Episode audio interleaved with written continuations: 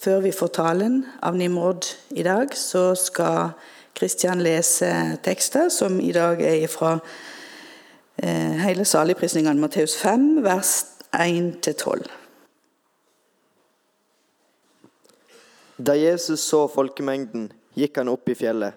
Der satte han seg, og disiplene samlet seg om han. Han tok til orde og lærte dem. Salige er de som er fattige i ånden, for himmelriket er deres. Salige er de som sørger, for de skal trøstes. Salige er de ydmyke, for de skal arve jorden. Salige er de som hungrer og tørster etter rettferdigheten, for de skal mettes. Salige er de barmhjertige, for de skal få barmhjertighet. Salige er de rene av hjerte, for de skal se Gud. Salige er de som skaper fred, for de skal kalles Guds barn. Salige er de som blir forfulgt for rettferdighetens skyld, for himmelriket er deres. Ja, salige er dere når de for min skyld håner og forfølger dere, lyver og snakker ondt om dere på alle vis. Gled og fryd dere, for stor er lønnen dere har i himmelen. Slik forfulgte de også profetene før dere. Så, eh, välkommen ska du vara till den femte episoden i en taleserie som vi kallar för Äkta lycka. Det är en taleserie om saligprisningarna i Matteusevangeliet. Och vi vet en god del om saligprisningarna allerede. Och eh, jeg vil med en liten flashback. Vad har vi snackat om? Jesus höll en preken, en tale, på ett fjäll, eller berg. Och därför har det fått namnet bergpreken. Det är lite logiskt. Och I bergprekaren underviste Jesus om himmelriket, eller Guds rike. Och han sa mycket om himmelriket. Han sa att eh, himmelriket är ikke et område på jorden, men det är bland dem som tror på Jesus, och det är där vår Guds vilja sker. Han sa också att himmelriket ska enda komma i sin fullkommenhet. Och han sa också att han, Jesus, är himmelrikets konge. Så vi vet en del om himmelriket. Og Jesus begynte bergprekenen med en rekke utsagn, Vår hver setning begynner med ordet 'salig'. Og Derfor kaller vi disse for saligprisningene. Det er også logisk. Det å være salig det er ikke en følelse, det er en tilstand. En lykkelig velsignet posisjon. En som er salig, er imponerende. En salig person vil vi herme etter, fordi han eller hun lever det gode livet. Og I noen språk oversettes det som velsignet eller lykkelig. Og saligprisningene tegner et sammenlignende bilde av et menneske som er salig. Og eh, Derfor er det viktig å tolke disse i sammenheng. Så vi snakker et menneske, ikke om åtte forskjellige mennesker. Jesus beskriver her statsborgerne i Guds rike. Han beskriver, han beskriver Guds barn. Og Vi har allerede fått undervisning om tre av dessa saligprisningarna. Salig är de som är fattiga i onden, salig är de som sörjer och salig är de ydmyke. Och nu är en ny saligprisning på menyn, nummer fyra. Salig är de som hungrar och törstar efter rättfärdigheten, för de ska mättas. Och eh, avsnittet vi läste eh, i Matteus 5. Det begynner slik at Jesus så folkemengden, og han går opp i fjellet. Der satte han seg, og disiplene samlet seg om ham. Han tok til orde og lærte dem. Så en folkemengde er på vei til Jesus, og han gjør noe overraskende. Han går opp i fjellet. Så han går ikke mot folkemengden, men han går opp andre veien og setter seg. Og Hans disipler samler seg rundt ham, og han begynner å undervise dem. Så vem är de, dessa folk? De tolv disipler de har du hört om. Eh, de var handplockade av Jesus, och de är samman med en större grupp kvinnor och män. Folk som har i större eller mindre grad bestämde sig och følge Jesus. Så Jesus snackar till dem. och Han ser att saliga är de som hungrar och törstar efter rättfärdigheten, för de ska mättas. Og denne preken er både for de som er, både, sånn, for de som er nylig begynte å søke etter Jesus, Og også for deg som har vært kristen i mange tiår. For de saligprisningene viser oss litt av veien til Gud. då de viser oss også veien sammen med Gud. Så vi ska gjøre dette sånn at vi ser på selve setningen først, og vi spør Jesus at, hva vil du si med dette, Herre? Så hva er dette for noe, egentlig? Etterpå stiller vi et spørsmål om hva forteller han om veien til Gud, og til slutt hva betyr dette for mitt kristna liv? Okay? Så første spørsmål. Særlig er de som hungrer og tørster etter rettferdigheten, for de skal mettes. Vad lägger Jesus i denna sättningen? Så ordet rättfärdighet, Vi må begynne med det. Rättfärdighet är ju ett begrepp alla brukar hela tiden.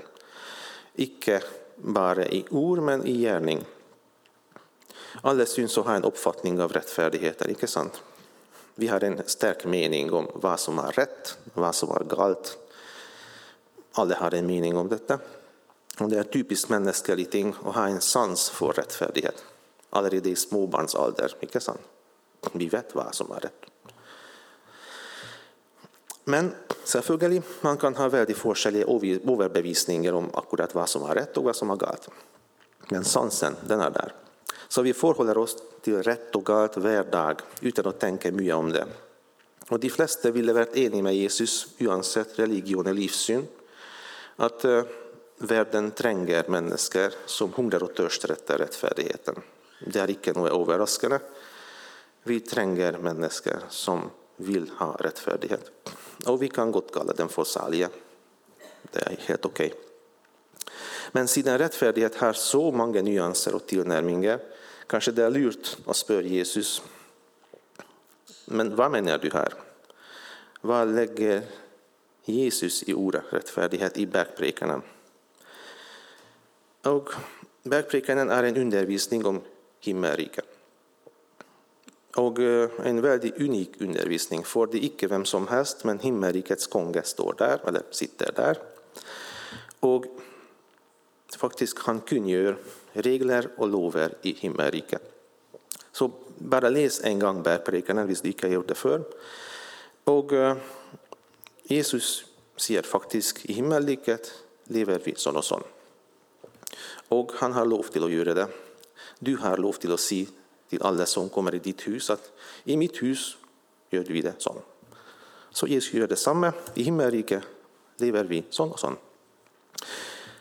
Och jag prövade att finna en illustration som kan belysa detta med rättfärdighet i bergprekaren. Och jag tror jag er kommet upp med den tåpeligste förklaring av detta i kyrkohistorien. Men jag kan presentera det, och tillge mig hvis det är väldigt dåligt. Så i kongeriket det er som bestämmer. Han är lovgivaren, inte sant? Så han bestämmer vad som är rätt och vad som är galet. Och det är hans jobb, och det är hans plikt att sitta på domarsätet och erklära noe rättfärdig eller orättfärdig. Så han har lov att bestämma det. Man blir icke rättfärdig av sig själv föran Gud, men han blir känt rättfärdig. Och nu kommer illustrationen som jag håper det. Så och kännas rättfärdig, det ligger lite på en EU-kontroll. Fordi du kommer med bilen din. Verkstäder gör en räcka med undersökelser. De går igenom en checklista som är baserad på lover och regler. Och till slut kommer en dom. Godkänd, icke godkänd. Så kontrollören känner bilen din rättfärdig, för att säga det sånn, ved å innføre godkjent i skjemaet. Og Paulus skriver det slik i et brev till menigheten, icke om EU-kontrollen, men om eh, rettferdigheten. At, det är icke de som hörer lovens ord, som blir rättfärdiga för Gud. Nej, de som gör det loven säger, de ska kännas rättfärdiga. Så vad har vi lärt från detta? Salig är de som hungrar och törstar efter och bli känt rättfärdiga av Gud, för de ska mettes. Så rättfärdighet i denna sammanhang har en status. Man blir känt rättfärdig. Och særlig de som hungrar och törstar efter rättfärdigheten. Har du noen gang vært i sulten eller törst? Sulten eller törsten man över lång tid, det fører en sånn tunnelsyn, ikke sant? Så du kan ikke tenke på noe annet, bare mat eller drikke. Jeg vil ha mat, og jeg vil ha det nå. Ikke i morgen, nå. Så når noen hungrer og tørster etter rettferdigheten, da vet vi at de mener det.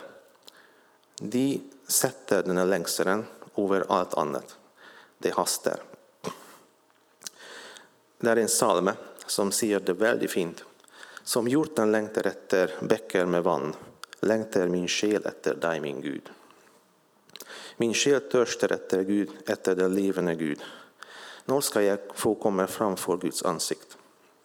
Min själ törstar efter Gud.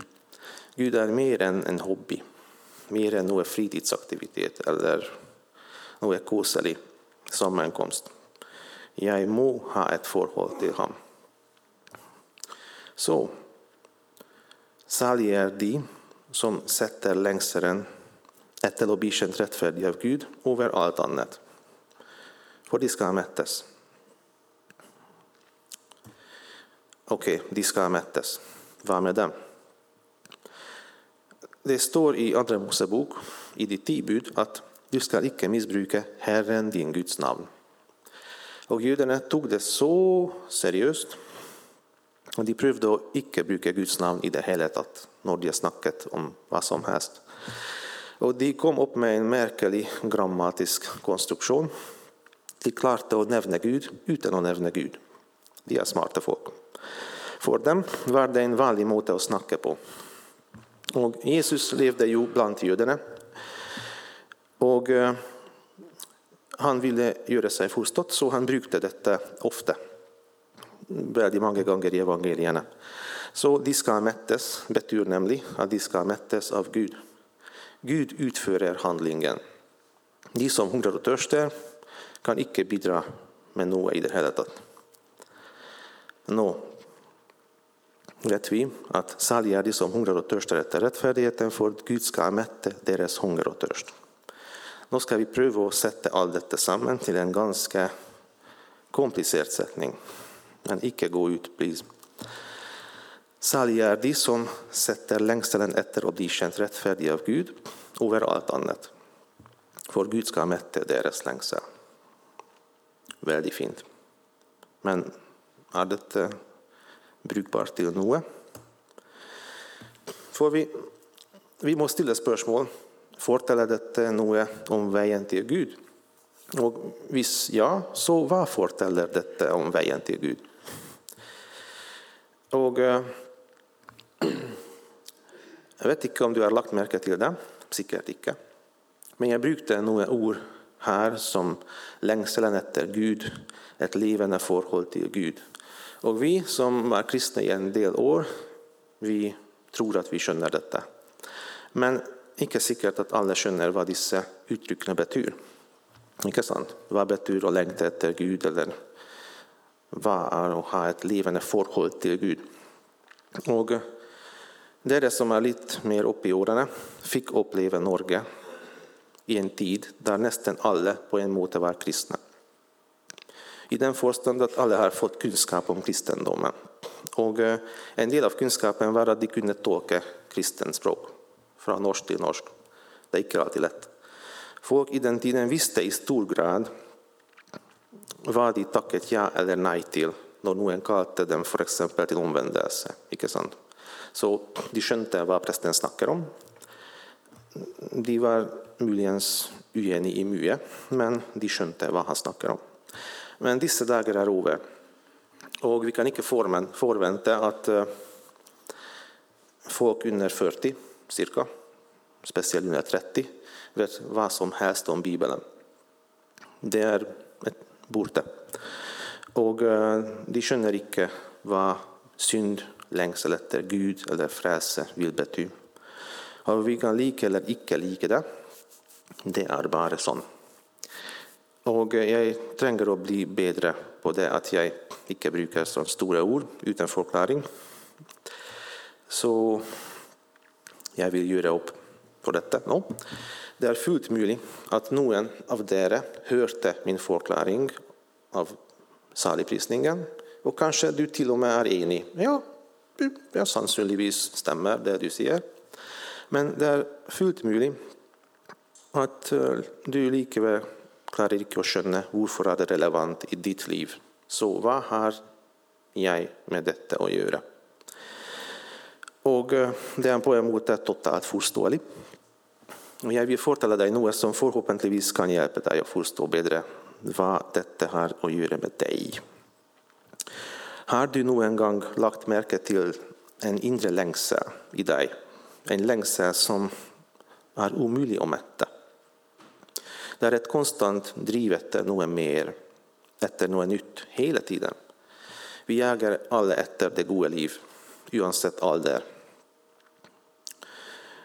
Och vi köper ting, vi gör ting som lovar oss tillfredsställelse.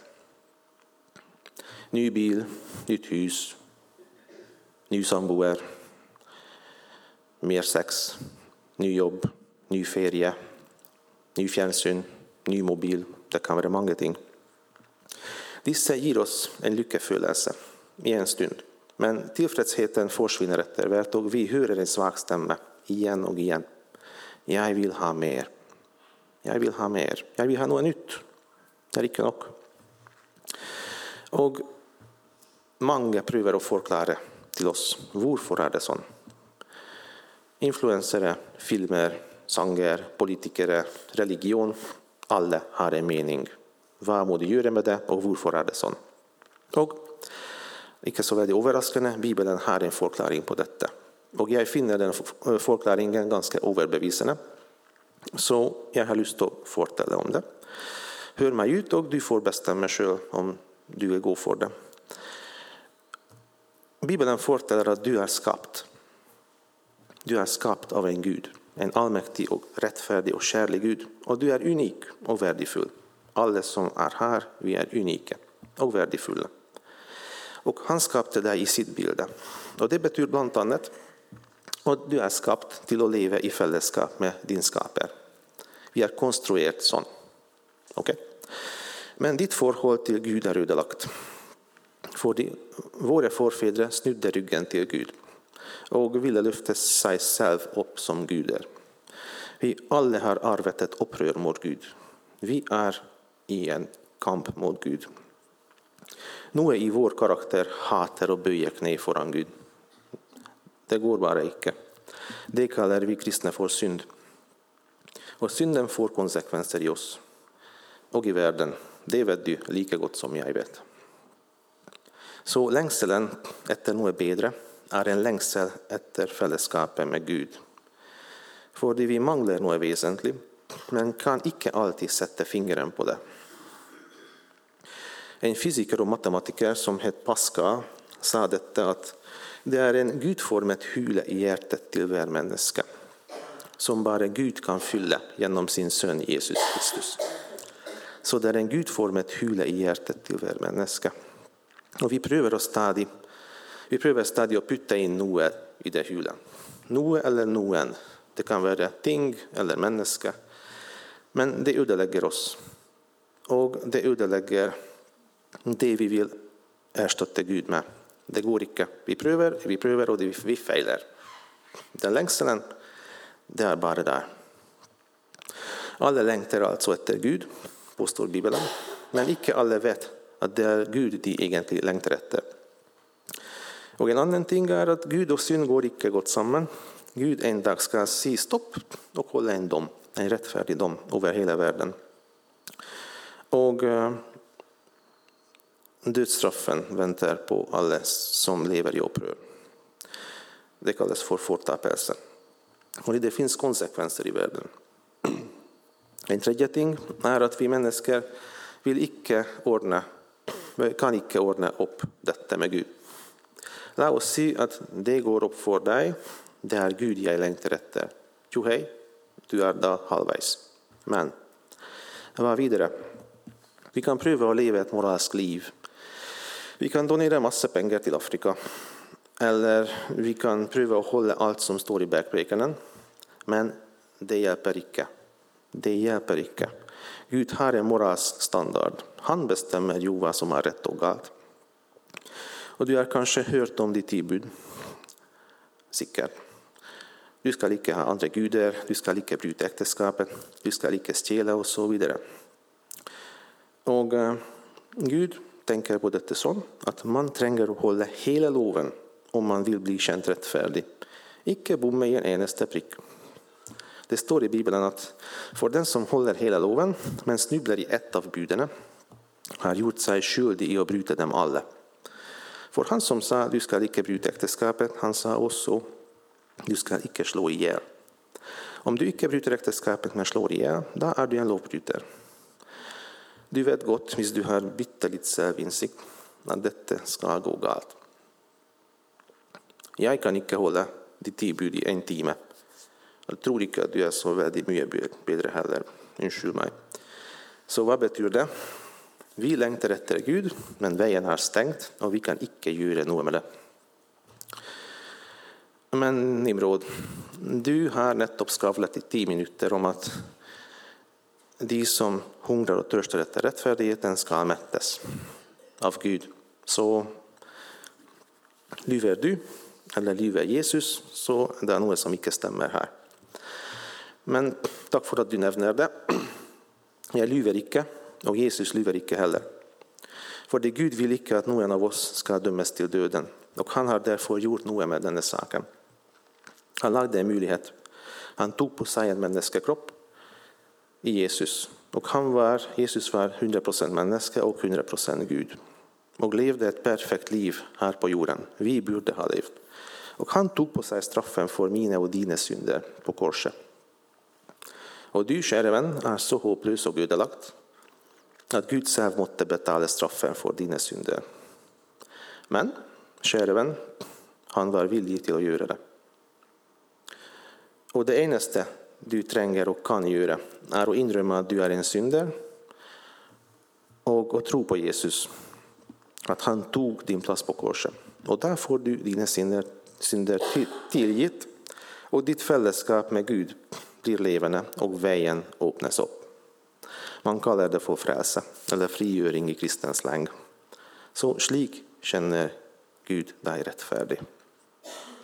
For så høyt har Gud elsket verden, att han gav sin son, den enborne, för att världen som tror på honom icke ska gå fortapt, men ha evig liv. Gud sände icke sin son till världen för att döma världen, men för att världen skulle bli frälst vid honom. Den som tror på honom blir icke dömd, Den som icke tror, är allerede för de han icke har trott på Guds enborne sons namn.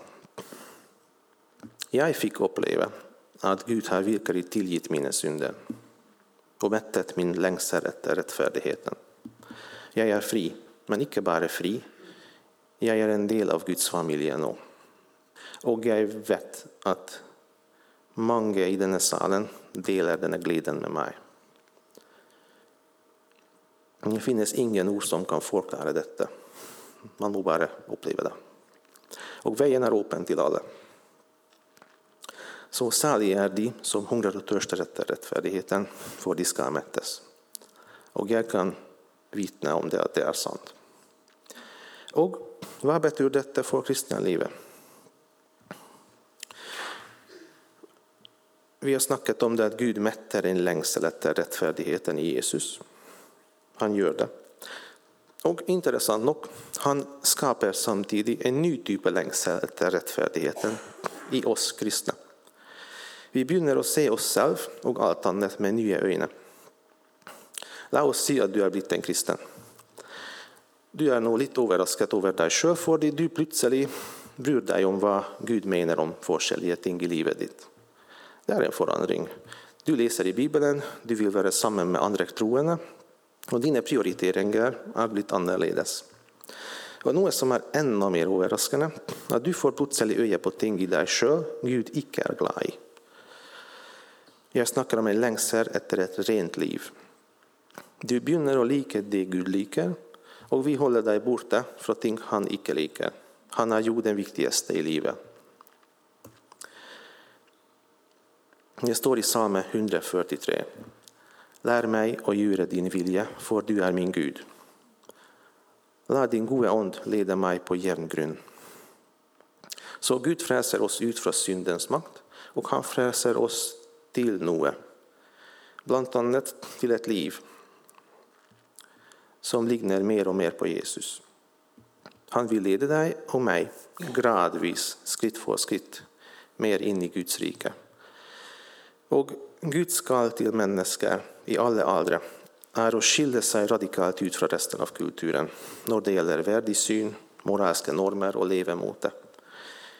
Vi är kallt till att vara ljus vi representerar Gud i samfunnet. Så ser andra på oss, eller i oss, att Guds normer är viktiga för oss. De kommer inte alltid att lika oss för det, men det är alright. For Gud kalte oss ikke til urenhet, men til et hellig liv. Så denne lengselen overstyrer ikke vår personlighet. Så Gud ska lika göra oss om till robotar som bara går utan att tänka på någonting. Du har hela tiden möjlighet till att säga nej till Gud. Han önskar dig det bästa och han önskar att forma dig genom Bibeln, genom samvittigheten och genom dina kristna syskon. Och En naturlig del av kristenlivet är det att bli gjort uppmärksam på synd. Gud vill överbevisa dig och rensa dig. Och och be om tillgivelse och förlåta din synd bör också vara en del av kristna livet. För det Gud vill göra dig helig. Därför heter det förresten helliggjørelse. Men du har en aktiv roll i detta och vara lydig och la ham jobba. La din vilja ske, icke bara i världen, men också i mitt liv. Det är alltid en kamp. Vill jag bortförklara min synd, eller vill jag bli kvitt med det? Och Gud har gett oss en extra stötte i denna kampen menigheten. En menighet är icke en samlingsplats för goda och perfekta människor. I vart fall icke när jag är där. Det är dessvärre fristande att visa till varandra att vi har allt på ställ, inte sant? Vi är så fromma och goda kristna, det är fantastiskt. Men menigheten skap skapt til å være et fellesskap for uperfekte troende mennesker som er på vei, og som snubler og står opp og går videre. Jeg innrømmer f.eks. til Toril at jeg sliter med problem, eller et eller annet, og hun oppmuntrer meg og ber for meg, og kanskje hun følger meg opp. Hvordan går det? Og med, med hennes hjelp jeg står opp, kommer ut fra grøfta och går vidare. Och kanske nästa gång hon kommer till mig, att kan du be för mig för det är och jag kan hjälpa henne. Så vi går, sam, vi går samman mot himmelen. Så ska det fungera, säger Gud. Så en längsel efter personlig härlighet är en del av kristenlivet. Och selvfølgelig, vi kan oss så här. Det är två fristelser som kan komma upp. Nummer en, jag vill överdriva det och jag blir hovmodig. Jag är mycket bättre än deras stackars syndare. Ha. Eller vi kan börja att droppa Guds moral. Vi kan droppa ting som är obehagliga. Och vi till slut blir lik andra. Och det är inte så värdigt, för Gud har kallat oss till att vara ljus. Så en ny hunger och törst efter ett moralsk rättfärdighet.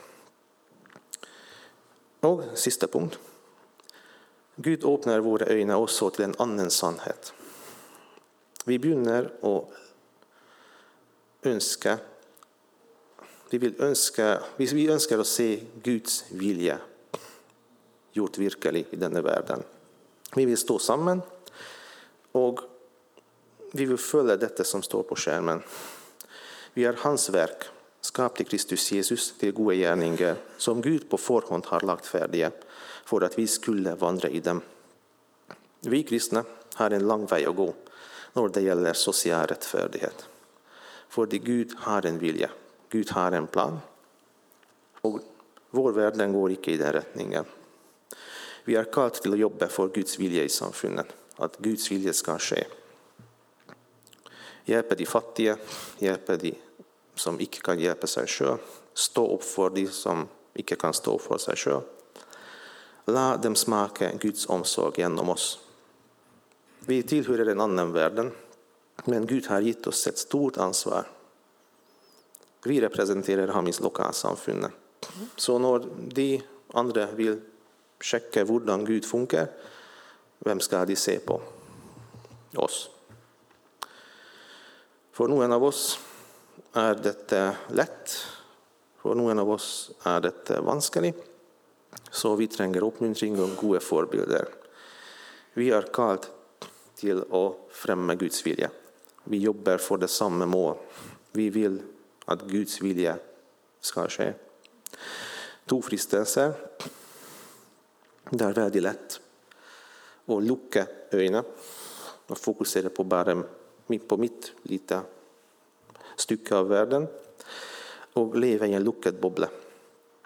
Och det är icke Guds vilja. Vi har ett ansvar. Eller det kan också ske att en menighet äh, väljer att göra goda gärningar och slutar att förkynna evangeliet. Det är vägen till popularitet, förresten. Men det är icke vårt kall.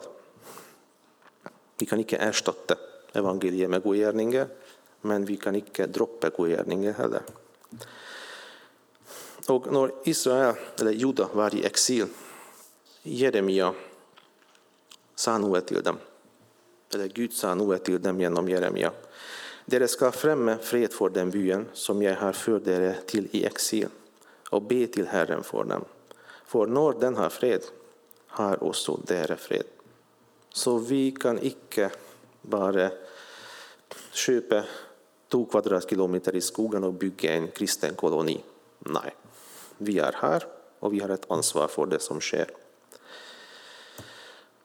Så, Guds barn på denna jorden är kallt till moralsk rättfärdighet. Gud förväntar att vi ska sticka ut som annorledes. Guds barn på denna jorden är kallt till att jobba för social rättfärdighet och sticka ut som annorledes. Och världen lys och salt. Med andre ord, naboen trenger å se at du kjemper for et hellig liv, og at du stikker ut på denne måten. Og naboen trenger også å oppleve Guds godhet gjennom deg. Disse kan bygge en bro mellom deg og naboen. Og kanskje han blir nysgjerrig. Hva skjer? Men husker du at du trengte å høre evangeliet om korset og takke ja på det? Det var inngangen til Guds rike. Naboen trenger det samme, å høre evangeliet for å kunne bli frelst.